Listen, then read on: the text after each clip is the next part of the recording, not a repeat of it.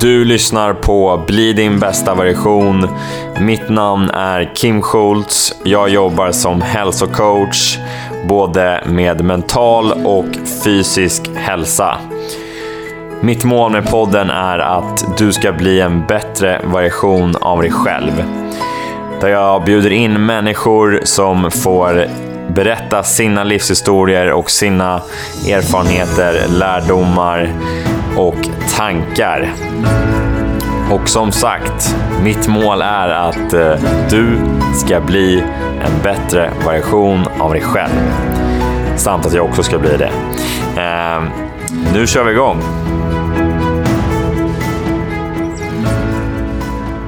Det här är en favorit i repris.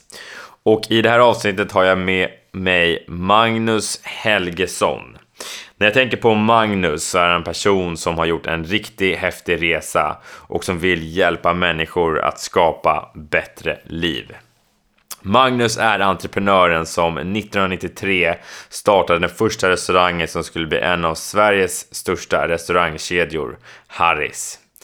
Idag är han en av Sveriges mest efterfrågade coacher, föreläsare och författare till flera bästsäljande böcker som 0 till 700 miljoner, Framgång lämnar spår och sin nya bok Äg ditt liv, annars gör någon annan det. I det avsnittet pratar vi om Magnus historia. Den berättar hur han har lyckats som entreprenör, coach och föreläsare. Magnus berättar om de sex mänskliga behoven och hur viktigt det är att företag och relationer uppfyller minst tre av dem. Magnus berättar hur det var att gå en ledarskapsutbildning med världens bästa coach, Tony Robbins. Vi pratar om hur man kan bli sin egen mentala coach och programmera om sin karta, som Magnus kallar det. Vill du bli din egen mentala coach så har Magnus en digital utbildning som heter IF Schack. Som heter just Bli din egen mentala coach. Lyssna nu.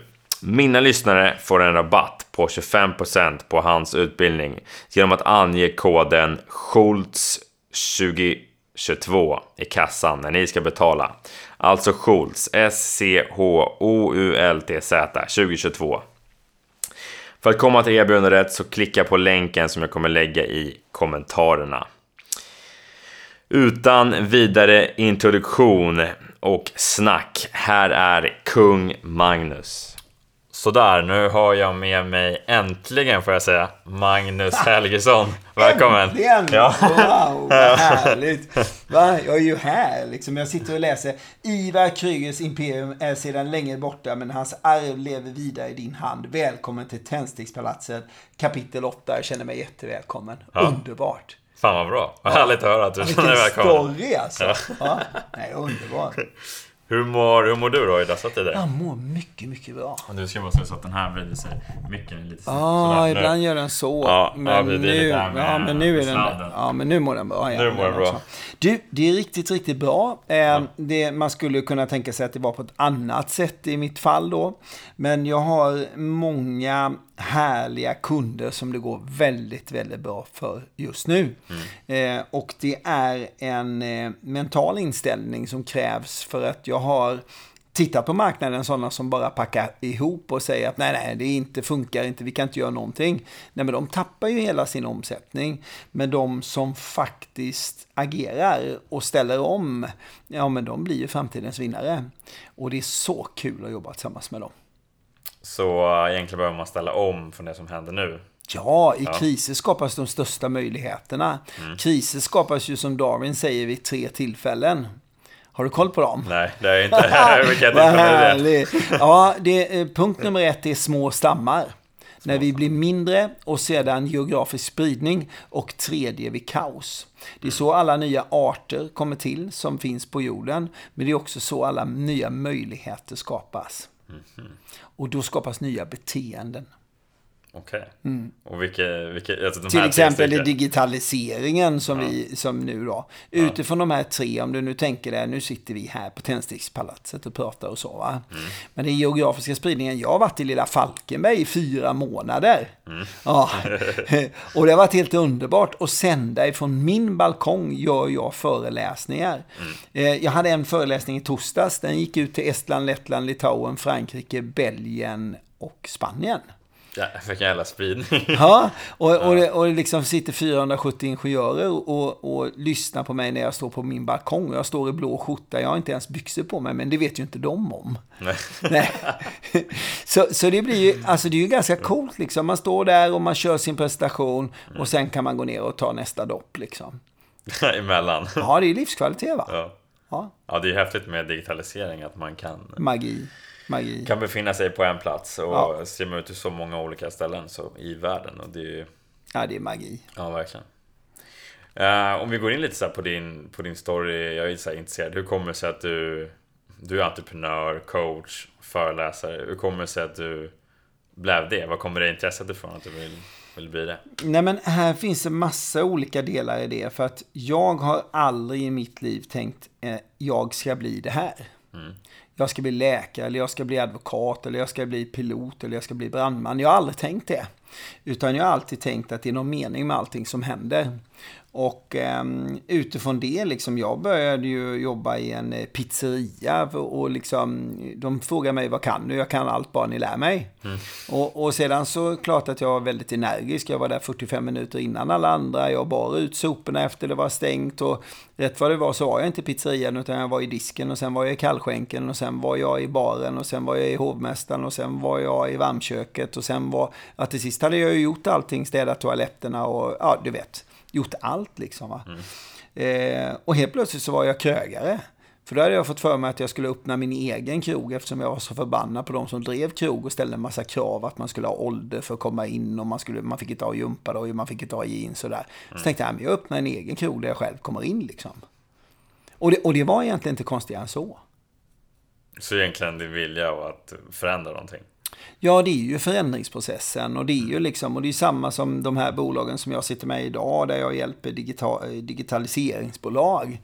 Det är också väldigt mycket förändringsprocess. Då tittar man liksom på, har ett bolag som jag är engagerad i där vi arbetar med utbildningar, digitala utbildningar och precis bygger plattformen och där, där hur gör man det?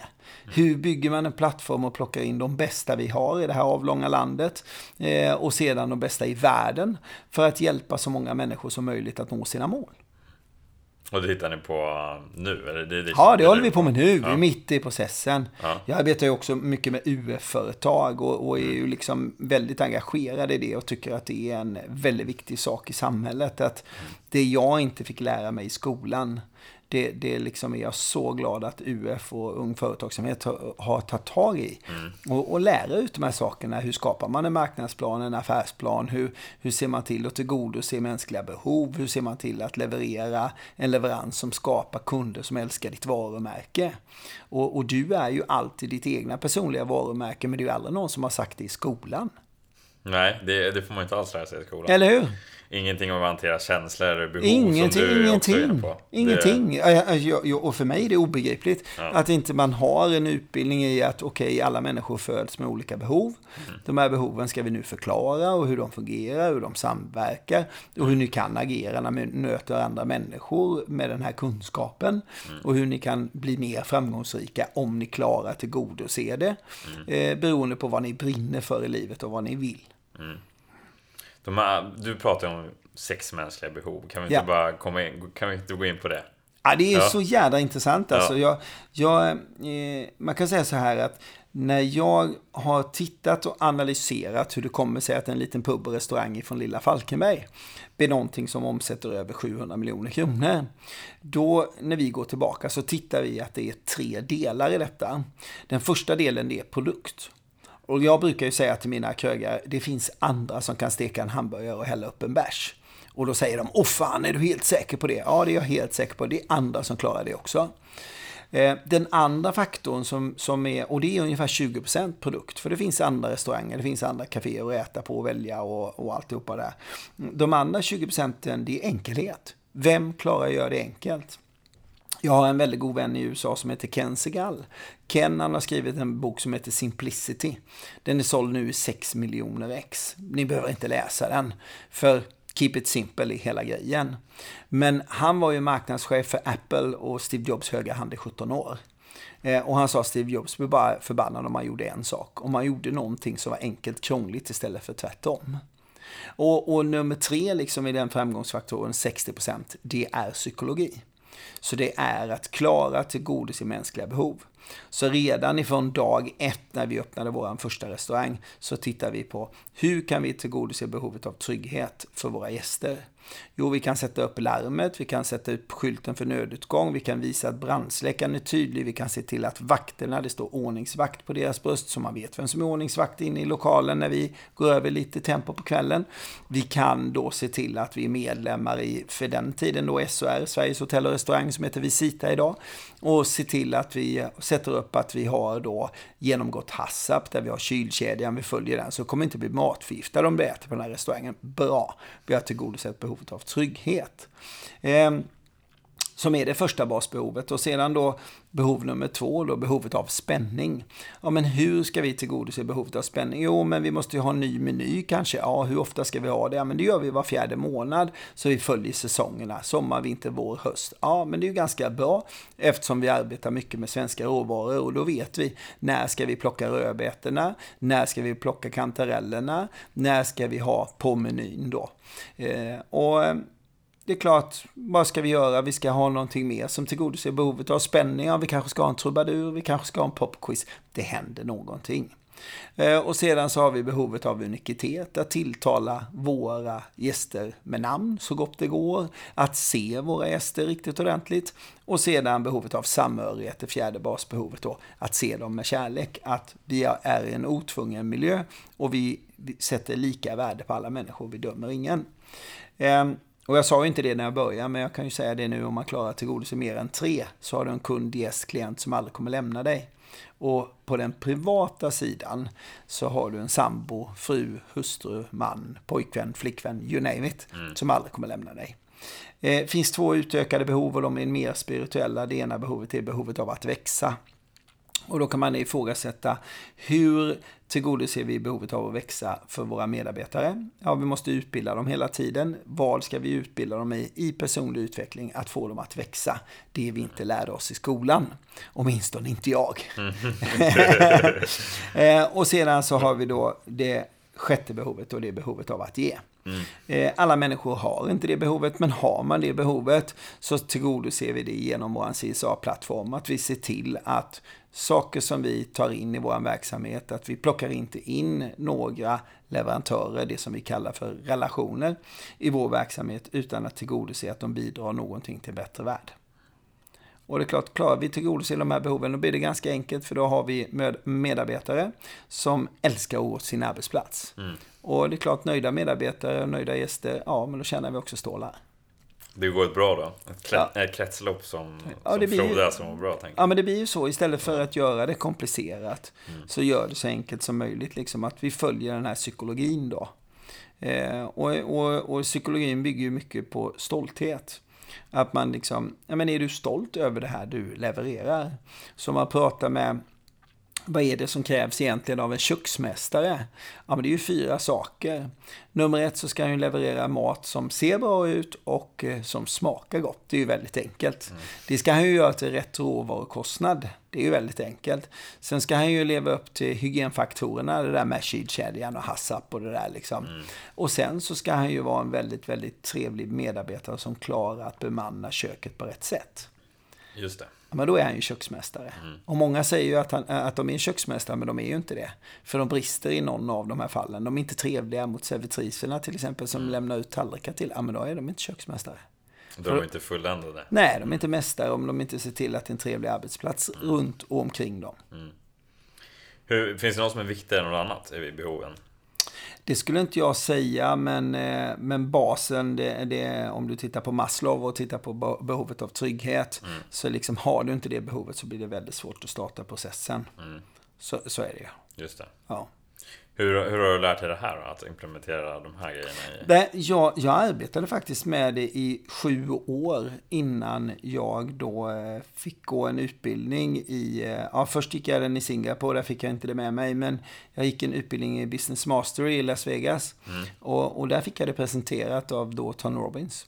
Mm. Eh, och jag bara, wow, det här har jag jobbat med i sju år. Shit! Och jag bara kunde klocka in dem en efter en efter, ja det är det precis det här jag har gjort. Så för mig var det inte liksom wow, jag kommer på något nytt eller det har jag jobbat med sju år, är det han som har kommit på det? Men så berättar han ju att det är någon annan som har kommit på det, så berättar han att det är någon annan och så tydligen så fanns det redan på 1600-talet liksom. Ja, ja, så långt tillbaka alltså? Ja, de pratar om det. Ja, okay. De pratar om det, alltså sådana som skulle ut i strid, liksom, de skulle peppa dem så skulle de se till att tillgodose några av de här behoven så, så mm. kunde de strida mycket bättre liksom. Shit, redan då så hade man ja. koll på det. Ja.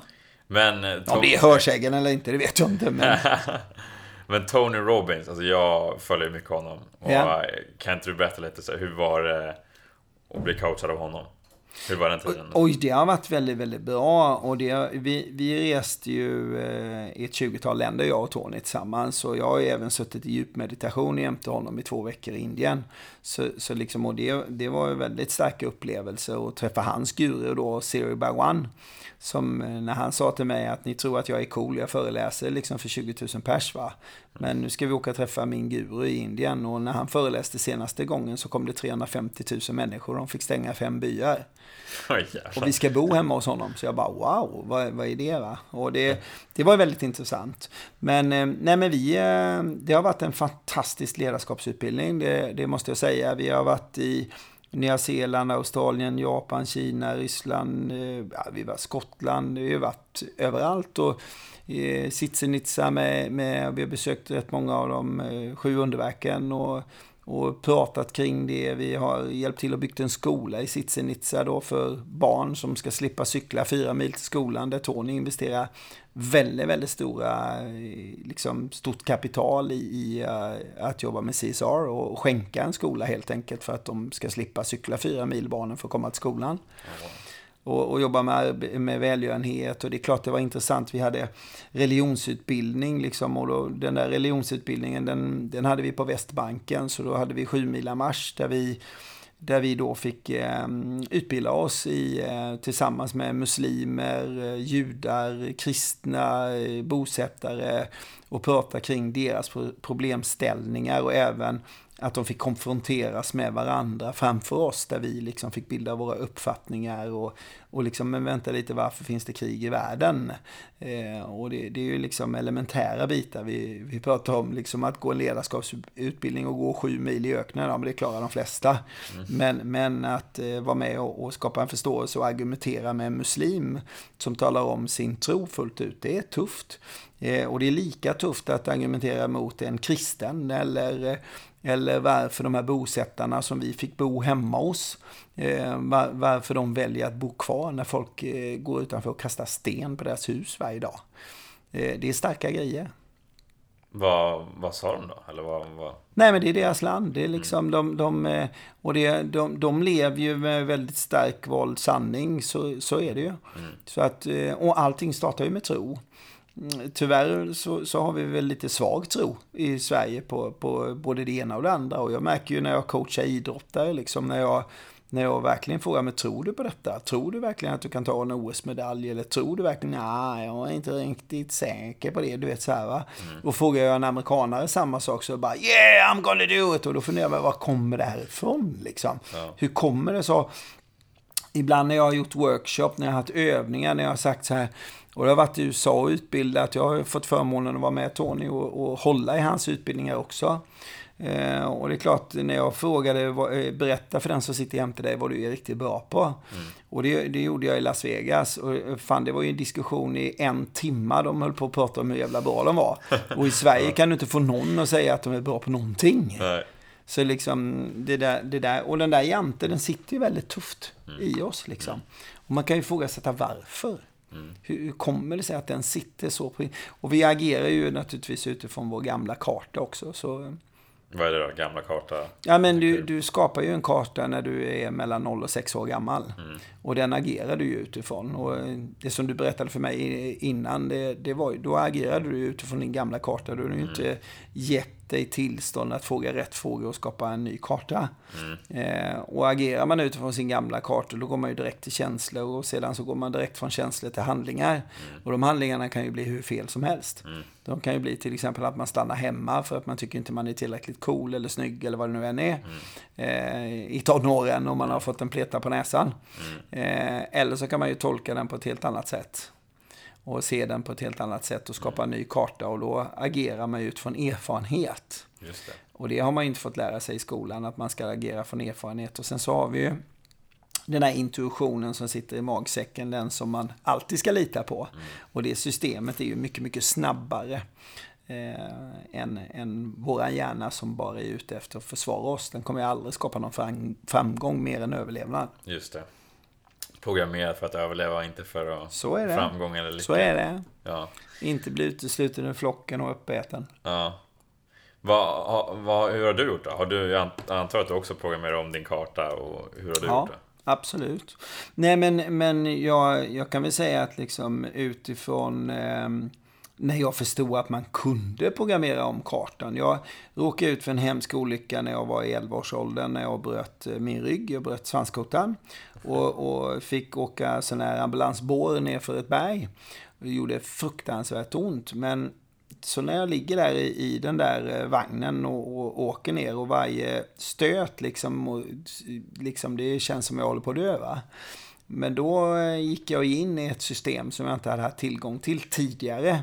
Och så började jag flytta smärtan framåt. Och då försvann smärtan. För smärta finns ju i nuet.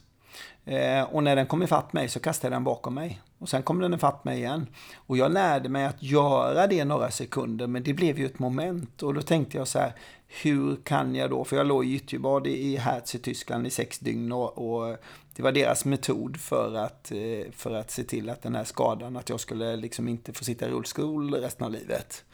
Eh, och det lyckades de ju väldigt, väldigt eh, bra med. Jag kanske är, eller jag är väldigt tacksam att detta hände i Tyskland där de hade erfarenhet av detta då.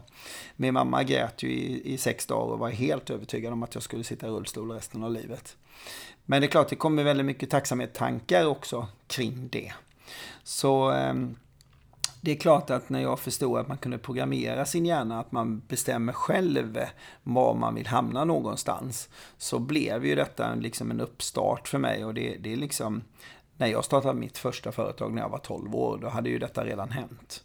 Så då hade jag ju den kraften med mig. Så när jag mötte på motgångar, när jag startade min första restaurang när jag var 23, när alla sa det kommer inte du klara av. Mm. Du har ju bara stått i disken och du har ju bara stått i baren och du har ju bara plockat glas och du har ju bara städat toaletterna och du har ju bara, så det kan, kommer du aldrig klara av.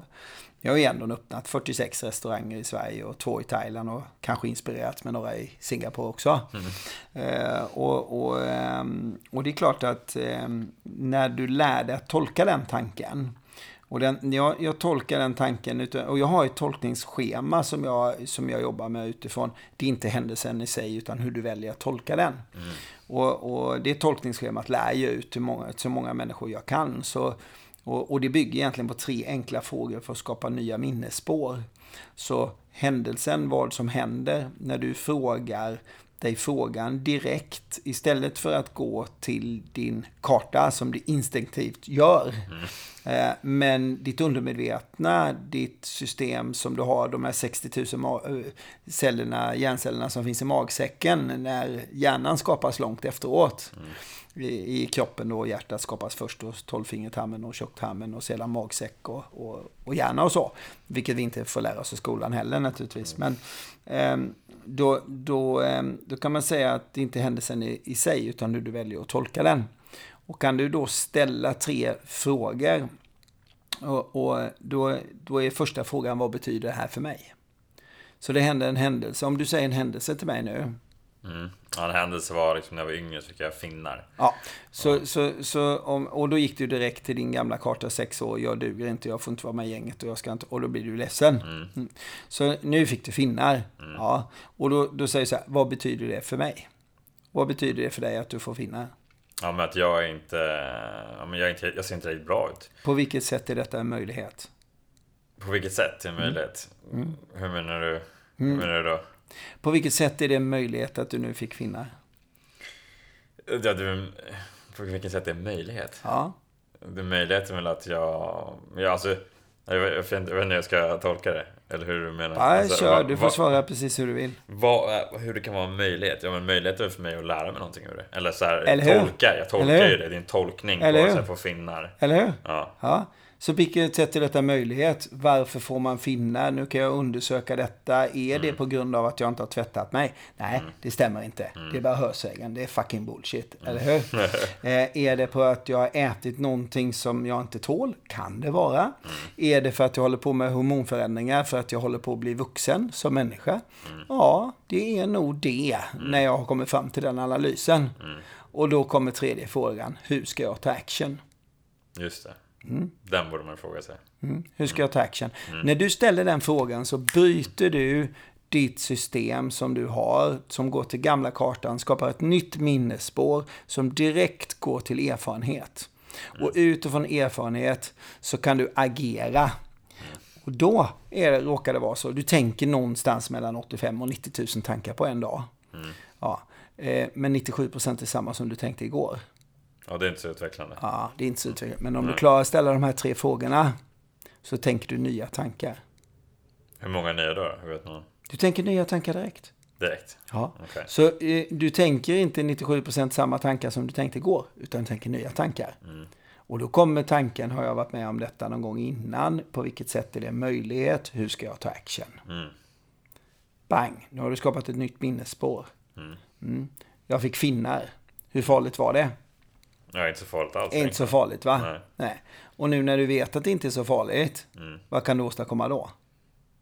Ja, jag kan återkomma. Ja, mycket. Alltså, Precis, vad som helst. Ja, vad jag vill egentligen. Vad du vill, Ja. eller hur? Och då spelar det ingen roll. Och då agerar man utifrån erfarenheter.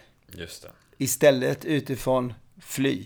Mm. Jag låser in mig på rummet, jag går inte ut, jag, jag skiter i det. Eller jag visar detta på något annat sätt utifrån mina mänskliga behov som inte tillgo- blir tillgodosedda. Mm. För nu tror jag att jag inte blir älskad för jag har finnar. Så då går jag ut och Mm. Slår till någon på käften istället. ja, och vad händer då? Ja, då blir jag åtminstone sedd. Mm. Och då tillgodoser jag ett behov. Just det. Ja, Och att bli sedd då. eller hur? Och jag brukar säga här, ett av, ett av Sveriges absolut starkaste varumärken, ja, det heter ju Black Army. Black AIKs är det? Ja, visst. Ja. Ja, för du tillgodoser alla sex behoven direkt.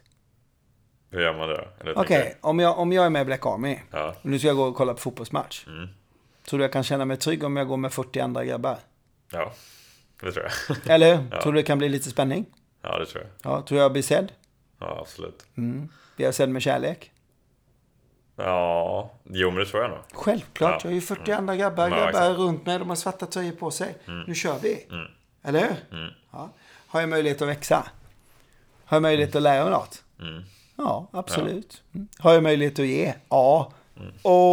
O-I-K-E. Eller hur? Ja. Så tillgodo alla sex. Ja, men det är samma sak om jag skulle säga... Eh, ja, jag skulle kunna säga eh, väldigt starka varumärken som liksom gäng... Eh, om vi säger så här, Hell Angels. Ja, Mm. tillgodoser väldigt många mänskliga behov. Mm. Självklart. Så det är därför egentligen man kan se människor göra kanske egentligen fel saker. Om man säger så. Ja, men alltså oprovocerat våld till exempel Mm. kommer ju från att man inte får sina mänskliga behov tillgodosedda. Och då tillgodoser man dem på andra sätt. Om inte jag blir sedd med kanske- kärlek så kommer jag se till att bli sedd åtminstone. Oj shit, det var inte, det var inte sant när du säger så. För jag alltså, jag har tänkt många gånger, speciellt som du säger, så att du, alltså, varför håller de på att gå och slåss liksom? Jag fattar att det är en spänning i det. Så att det, Det är klart det är. De, vill, eh, de, har någon, de har dåligt över en sak och vill uttrycka det på ett sätt. Men när du säger som så här så blir det väldigt så här, shit, vad, vad enkelt det blir. Det är ganska varför enkelt. De, varför de gör det. Ja, men det är ganska enkelt. Och, och det finns många, många, eh, om vi säger, som kanske hamnar fel i livet på grund av att de inte fått sina mänskliga behov tillgodosedda när de är mellan 0 till 6 år. Så de agerar utifrån sitt undermedvetna. De är inte själv medvetna om det, för de har inte fått lära sig det. Mm. Och det är lite synd, för det är ganska enkelt. Hur kan man göra då? Förutom de här tre frågorna som du säger. Finns det någonting Nej, annat man nej, kan? nej, men man kan ju naturligtvis lära ut det här. Mm. Det, det, du, du ska ju sätta det obligatoriskt i skolan. Liksom. Mm. Det, det, det måste ju vara det som ska till. Liksom. Ja. För när vi pratar om till exempel organisatorisk ohälsa så- bygger det ju på att du inte får dina mänskliga behov tillgodosedda. Mm. I en organisation då? Ja. Mm. Och eh, till 90% extremt dåligt ledarskap. Mm. Så när vi gör undersökningar, jag, jag hade ju förmånen att vara VD för Sturebadet Health under två års tid här. Mm. Och eh, fram till, till eh, i för, förra året då. Eh, och vi, vi hade 47 000 intervjuer i basen för vårt COR-verktyg då. Mätningar. Men det visar ju sig väldigt, väldigt ofta att det hängde på dåligt ledarskap. Mm. Och vatten rinner neråt. Så när man pratar om organisatorisk ohälsa, då, då så här, visa mig vem din eh, ledare är. Mm. Och, och så kan man ju titta på vilka av de här behoven som den här ledaren klarar att tillgodose. Ja, just det. För klarar man tillgodose mänskliga behov så finns det ingen organisatorisk ohälsa. Mm. För då mår människor bra. Ja, då kan du sätta syfte, mål och mening till det du gör varje dag. Hur, eh, hur kan vi få in det bland ledare? Så det är egentligen att... Ja, eh, man, man kan väl säga så här, eh, grundtesen är väl att ställa högre krav på ledare. Mm. Det är väl tesen liksom. Just det.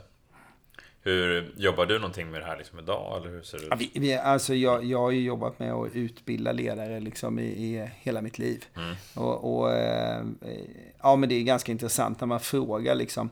Det är ju väldigt, väldigt låg procentsats som svarar hur kom det sig att du blir ledare? Eh, Ja, men jag var född sån. Det är ungefär 5% tror jag som svarar så. 5-8% tror jag det är. Ja. Eh, och, no, och, och, och det finns ett annat svar, 4% är ju, eh, jag var tvungen att rädda bolaget från konkurs. Mhm. Så jag blev ledare. Och det var 20 år sedan och jag är fortfarande kvar. Mm. Ja.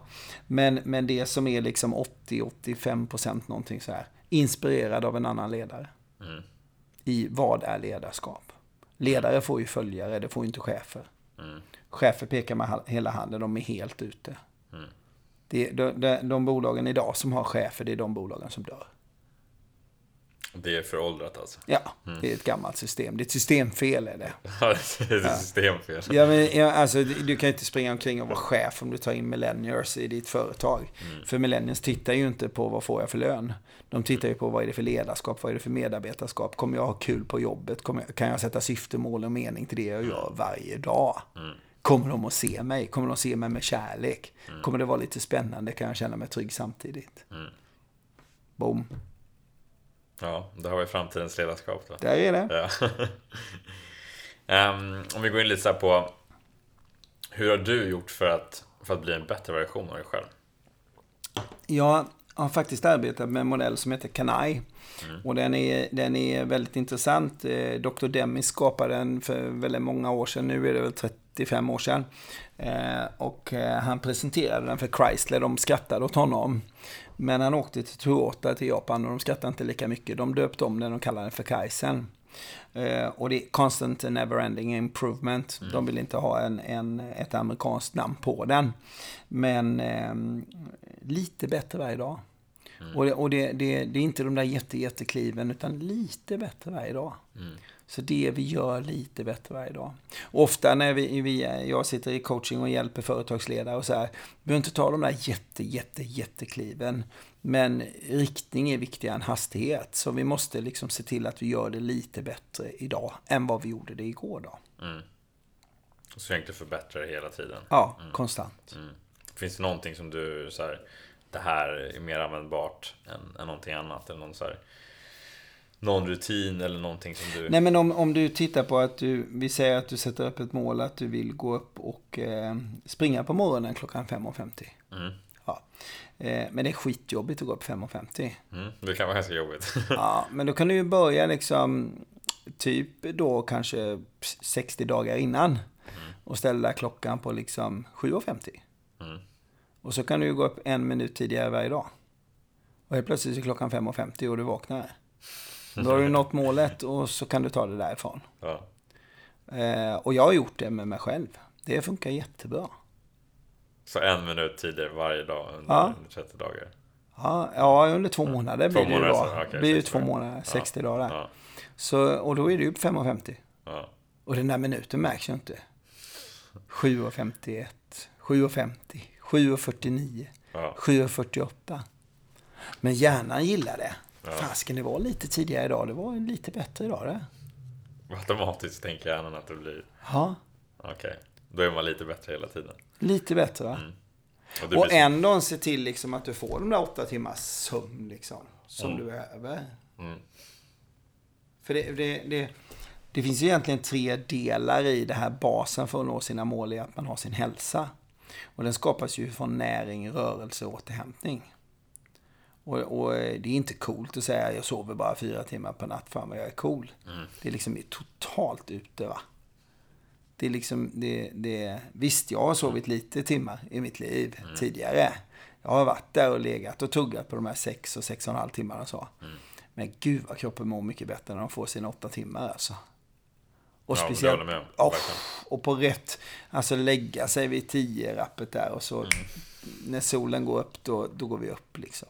Tar vi morgondoppet eller tar vi löparrundan eller ja du vet. Mm. Då mår man bra. va? Vad värderar du mest då? Du säger nu hälsa, energi, ta hand om dig själv. Nej men det, det, alltså värdera eh, basen för att nå sina mål är att man har sin hälsa. Mm. Och det går inte liksom att säga vad är det ena eller vad är det andra. Mm. Utan hälsa är ju en helhet. Och, och hälsa skapas ju genom näring, rörelse och återhämtning. Mm. Så då måste man ju se till att man äter rätt näring. Att man inte äter massa processad skit och massa e-ämnen och grejer. Och det finns ju överallt billig skit. Ja, som skadar oss människor. Mm. Ja, och det, det får man ju se till att man absolut inte får i sig. För, för din värdefullaste tillgång som du har är ju din kropp. Det är ju ditt instrument. Det finns ju ingenting som är mer värdefullt. Och varför ska du stoppa i dig skit då? Mm. Alltså om du hade köpt en travhäst för 10 miljoner kronor, inte hade du gett han bärs och popcorn liksom. Och tryckt i en hamburgare och, och, och pommes frites. Du hade gett han det bästa höet och det bästa almen att ligga i och bästa liksom fodret som finns på jorden. Men, men du själv kan liksom glida förbi och, och trycka i dig en eh, jävla, eh, liksom, eh, ja, en Red Bull eller vad som helst liksom. Åka förbi McDonalds och ta, ta någon snabb burgare. McDonalds har jag inte käkat på på 14 år. Nej, jag tror jag. Jag är inte 14 år, men det är ganska många år i alla fall sen jag också var det. Det var en äppelpaj i, i Selamse. Sällan se. Ja. Älskar Selamse, jag har varit där 23 gånger. Vad är det någonstans? I Österrike. Jaha, okej. Körde en sån Apfelstrudel med, ja det var fin var den. Men eh, det är sista gången, det är 14 år sedan, eh, det är McDonalds i, i Ja. Nej men det, det är ju fruktansvärt alltså. Varför tror du människor gör så då? Att vi, vi gör saker som vi vet är dåliga för oss, men vi gör dem ändå. Nej men det är en felprogrammering och det är ju att vi inte liksom ser saker och ting långsiktigt. Utan eh, nummer ett så vill vi ha quick fix på allt. Och det som kommer långsamt måste ju gå långsamt. Så om vi vill gå ner i vikt så kan vi ju inte liksom... Jo, man kan ju... Du kan ju gå ner 10 kilo till imorgon bitti om du vill. Om jag skulle säga... Eller vad tror du? 10? Nej, det låter, det låter tufft alltså. Och Om, men om jag skulle säga att du får en miljard av mig, skulle du inte kunna göra det då? Ja, jag vet inte hur jag skulle göra. Skära bort delar. Ja, typ, det är ju bara att gå till en kirurg och plocka bort det ena benet och Ja. sen så sätta dit igen. Ja, Och så får du en miljard så är det klart. ja. Och det var inte svårt. Jag vet fan vad jag hade gjort ändå alltså. Nej, det är inte Nej. säkert att du hade gjort det, men det är många som hade. Ja. Ja. Men vi letar ju alltid efter quick fix och dieter och skit och grejer. Och, Mm. va? Det är väl bättre att göra det på riktigt. Ja, göra en... eh, Ja, men det, det är som du säger, det är ju en långsiktig resa som man behöver göra. Alltså det är en livsstil också skulle jag säga. Alltså, det är inte Klart bara, det är en det är livsstil. inte bara en långsiktig resa, det är en livsstil. Det kommer fortgå hela livet. Nej, men Så är tänker jag. livet värt någonting för dig eller inte värt Mm. något? Det är ju det liksom. Du, du, din värdefullaste tillgång är du själv. Det är Mm. ju humankapitalet. Och i ett bolag så är det humankapitalet, det är människorna. Exakt. Sen kan ju människorna åstadkomma vad som helst, det är ju någonting annat. Ja, exakt. Det är ju människorna som skapar bolaget. Det är Så är det, inga människor så finns ju ingenting. Nej. Nej, precis. AI finns ju för sig också då. Men... ehm, Ja, vi får väl se hur länge den funkar utan mänskligheten. Ja, ja det, det är intressant. Då. Vem ska den prata med? Du är inne lite på frågor. Ja, Vilka frågor borde man ställa sig själv då, skulle du säga? eh, Ja, men det finns väl en fråga som jag tycker är oerhört viktig. Det är, det, det är så här liksom, du är en konsekvens av vad, dina handlingar, vad du är idag. Är jag där jag vill vara idag? Mm. Eh, det är väl en väldigt bra fråga. Och, och svaret ja, så är du på rätt plats för rätt tidpunkt. Mm. Men om svaret är nej, då måste du ändra på något. Mm. Vad gör man då om man vill förändra på någonting? Om man vill börja ta bättre beslut? Du, du, måste göra en nulägeskartläggning och säga varför har jag hamnat där jag är idag? Mm. Och sedan måste du titta, var vill jag vara? Antingen går man ju till något eller så går man ju ifrån något. Mm. Och, och, det är klart, om jag sätter upp ett nytt mål, då börjar jag ju gå till det målet. Och då måste jag ju fråga mig själv, vad krävs för att komma dit? Är det här målet realistiskt överhuvudtaget? Och då kommer vi ju till tro. Att mm. våga tro. Mm. Här kommer ju den där jäklen igen. Att våga tro. Var kommer den ifrån? Ja. Hur får vi den då? Att våga tro på oss själva. Hur har du gjort för att våga tro på det?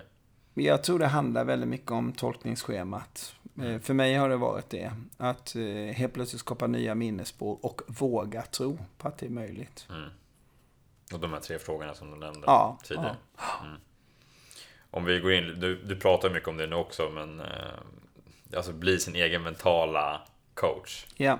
Hur, eh, om man vill börja så här, ta tag i sitt mentala, börja liksom övervinna det här tolkningsschemat som du pratar om. Hur, hur ska man börja göra då? då? Nej men alltså det är otroligt viktigt. När jag har fått coachinguppdrag de senaste sju åren som jag arbetar som coach. Då, då liksom det analoga systemet som jag har gjort har jag gjort digitalt nu. Mm. Och, och, när det analoga systemet, liksom, när jag har märkt att alla som kommer till mig och blir coachade, mm. de, eh, de lyckas ju faktiskt uppnå sina uppsatta mål. Mm. Och då, då, när jag får alla de här mail och sms och de ringer, du jag gjorde som du sa och det funkade. Mm. Men jag sa egentligen inte så mycket utan jag frågade ett antal frågor som du svarade på. Och utifrån de svaren så talade du om för mig att du är på en plats där du inte vill vara. Mm. Utan du vill vara någon annanstans. Här vill du vara. Mm. Och då gjorde vi en gemensam plan för det. Men det var egentligen du själv som gjorde det. Mm. Och det var du själv som gav ett löfte till dig själv. Den planen har vi gjort. Eh, i, idag har vi ju digitaliserat den och, och, hjälper många människor med den då i ett program som heter IFCHAC. Mm. Och det har ju slått väldigt väl ut. Det, det är jättekul. Det, det haglar ju in då sådana som har genomfört programmet mm. och som gör livsstilsförändringar som är i väldigt positiv riktning. Så jag är ju jättetacksam för det. Mm. Hur kan man göra om man vill gå med i det programmet då? Det kan du, du kan söka på min LinkedIn eller så kan vi göra någon specialare. Ja, du någon supergrej så att du kan ge någon rabatt till dina härliga lyssnare. Ja, men det tycker jag det hade varit eh, skithäftigt för de som lyssnar om de är intresserade ja. av, av det vi har pratat om idag och eh, liksom vill komma Absolut. mer in på att bli sin mentala coach och hur ja, ja. du har gjort. Nej men det hade varit jättekul. För ja. att eh, programmet är, är, det är alltså eh, sju moduler. En modul var tredje dag. Mm. Eh, efter 21 dagar så har du lyckats skapa detta om du går all in. Och det krävs 21 dagar för att göra en långsiktig bestående förändring. Mm. Så eh, ja, för fasken, vi kan göra någon superkul där. Vi gör en grej med, med Charlotte och Max som hjälper mig i mitt team. Mm så kan jag säga att jag varit och hälsat på det här på Tändstickspalatset. och så, eh, så gör vi någon superdeal. Ja, ja. då kan vi ge dem kod eller någonting. Som ja, då kan vi ge dem en kod. Ja. Kan vi säga liksom, ordinarie pris för det är 21 000 spänn, men då kan väl de få det för 75% rabatt vad det nu blir. Ja, det blir ja. himla förmånligt. Ja, det kan ju vara kul. Du, du har Max och, och deras ja. nummer va? Både Charlotte och Max. Ja, det är skitbra. Men det gör vi. Vi lämnar någon sån riktig bomba. Så. Det är jättekul om det är någon som lyssnar på dig som vill bli sin egna mentala coach. Du bara att köra. Ja, och jag tror att många, jag tror många är intresserade av det. För de som lyssnar är väl de som är intresserade av personlig utveckling och Eller hur? Vill, vill utveckla sig själv och, och bli bättre. Och det, det, det, kommer de verkligen göra om de går igenom programmet. Ja. Mm. Ja, det har varit Bra. jättekul att kunna ja, bidra med det. Um, ja, bra. Det är glad att vi kan ge, kan, ge våra lyssnare. Eller hur? Eller kan ge mina lyssnare. Ja, men en, en bra start är aldrig fel. Ja, nej. Det är, det är aldrig fel att få Eller hur? Ja. Um, jag tänker så här, hur tror du att vi kan göra skillnad? Vilka är vi? Ja, vi, vi människor. Då kommer vi ju till mental inställning. Mm. att inte se vårt liv så egoistiskt utan försöka hjälpa många människor tillsammans. Och mänskligheten har alltid överlevt genom att samarbeta. Det handlar om samarbeten och samarbeta eh, och, och tillsammans blir man ju stark. Mm. Så, så liksom om vi bara tänker liksom, hur kom vi ifrån savannen? Ja, men det var ju att vi lärde oss samarbeta liksom. Ensam är man inte stark, det är man tillsammans. Mm. Så det är tillsammans någonstans vi kan göra förändring tror du? Att vi ja, visst är det så. Visst är det så. Hur kan vi göra det tillsammans? Alltså hur kan vi få upp någonting som vi kan Nej men det görs ju idag också. Det görs ju i nätverk i hela världen. Jag, jag har förmånen att vara med i ett par nätverk som, som sträcker sig över hela världen och det är ju väldigt intressanta dialoger som förs just nu liksom. Mm. Och där man pratar om hur kan vi hjälpa varandra då. Mm. Jag med ett nätverk tillsammans med Peter Diamantis och Peter han, han eh, sätter ju 10 miljoner dollar varje år till någon som bidrar till en bättre värld. Oh. Ja, och är lärare på Singularity där jag har fått förmånen att vara elev. Och, ehm, och det är helt fantastiskt. Där pratar man bara om hur kan vi bidra till en bättre värld. Så att, eh, och det har varit väldigt intressanta diskussioner eh, nu när man håller på att ta fram vaccin och grejer. Mm. Där, där miljardbelopp går de in med privatpersoner för att det här vaccinet ska fram. Liksom. Ja. Och det är ju en samverkan. Liksom. Ja, det är häftigt när flera kommer ja, in och vill göra stort, någonting. Alltså. Det, då, då Elon Musk är också med i nätverket och han är också mm. med och bidrar till detta. Liksom. Mm. Det är fantastiskt. Wow. Hur tror du att vi lever ett bra liv då? Jag tror att vi lever ett bra liv genom att klara av att tolka våra tankar, inte ha så mycket prestation. Att vi, vi eh, duger som vi är. Eh, och inte liksom någon fantombild liksom. Och så tror jag att vi, vi lever ett bättre liv om vi inte lyssnar så mycket på media som är där för att sända ut negativa nyheter som ska skrämma vår hjärna, som ska skydda oss så att vi ska köpa lösnummer. Mm. Så för mig, liksom, jag, jag eh, varit väldigt, väldigt sparsam med media de senaste 20 åren. Eh, och det har gett mig jättemycket energi. Så du tittar väldigt lite på? Väldigt lite. Mm. Väldigt, väldigt lite. Det som är viktigt, det, det, på något sätt så kommer det fram. Mm. På något sätt kommer det fram. Det är märkligt va? Ja. Vad, vad har du känt en skillnad då som du har gjort det? ja, eh, mycket bättre energi. Inte, alltså att, mm. att min, min hjärna kan fokusera på saker som att finn fem rätt istället för finn fem fel. Mm. Fokusera på positiva istället för Ja, och du får det du fokuserar på. Mm. Intressant. Så mindre media till folket? Ja, jag tycker det. Mm. Eh, det finns två saker som påverkar människor mer än någonting annat på jorden. Mm. Det ena är media. Mm. Och det andra är de fem personer som du frivilligt väljer att umgås med mest i ditt liv. Just det, men den, den har jag hört talas om. Så de det är en man... oerhört viktig sak. Mm. Alltså de här två sakerna, man tror inte, ja, det låter nästan som en klyscha. Nej. Mm. Om du blir programmerad med negativa nyheter hela jäkla dagarna. Mm. Jag har personer i min närhet som sitter framför tvn och de är så rädda för någonting som flyger runt här i världen. Jag vet inte vad det är för något. Men det var någonting som hände för några månader sedan. Mm. Ja, jag säger inte namnet. Varför gör jag inte det? För man får det man fokuserar på. Mm. mm. Så media är en sak, liksom. jorden håller inte på att gå under. Och, och, och, det är faktiskt så att det finns positiva nyheter och kanske behövde Moder Jord pausa lite nu också. Eh, och kanalerna i Venedig är ju faktiskt nu då djupblå och det simmar delfiner där för första gången på hundra år. Det är ja. bra. Ja, det är ju väldigt mm. positivt. Men positiva nyheter är inte så roliga att sprida. För det säljer inte lika bra. Nej. Var, varför, varför är det så, tror du? Alltså, vi fokuserar på, på de negativa sakerna istället för de positiva? Nej, men det är överlevnad. Mm. Det handlar om vad, till. Mm. det kommer till din oroliga hjärna mm. som, som fokuserar, vad, vad, vad liksom kan jag skydda mig emot? Mm. Och då säger de, åk inte dit nu för det är jättefarligt. Mm. Det smällde en bilbomb i Paris, i centrala Paris. Åh, oh, vi åker inte till Paris. Shit, inte Paris, inte Paris. Mm. Mm. Och det, det, är ju bara trams liksom. Ja, det är, ja, det är intressant det där att man... Ja, vi fungerar verkligen så. Alltså, det är inte klokt. Ja. Det är bara så mm. tramsigt liksom. Ja, ja verkligen. Okej, okay, till en uh, helt annan sak då. Uh, vad vill du lämna efter dig?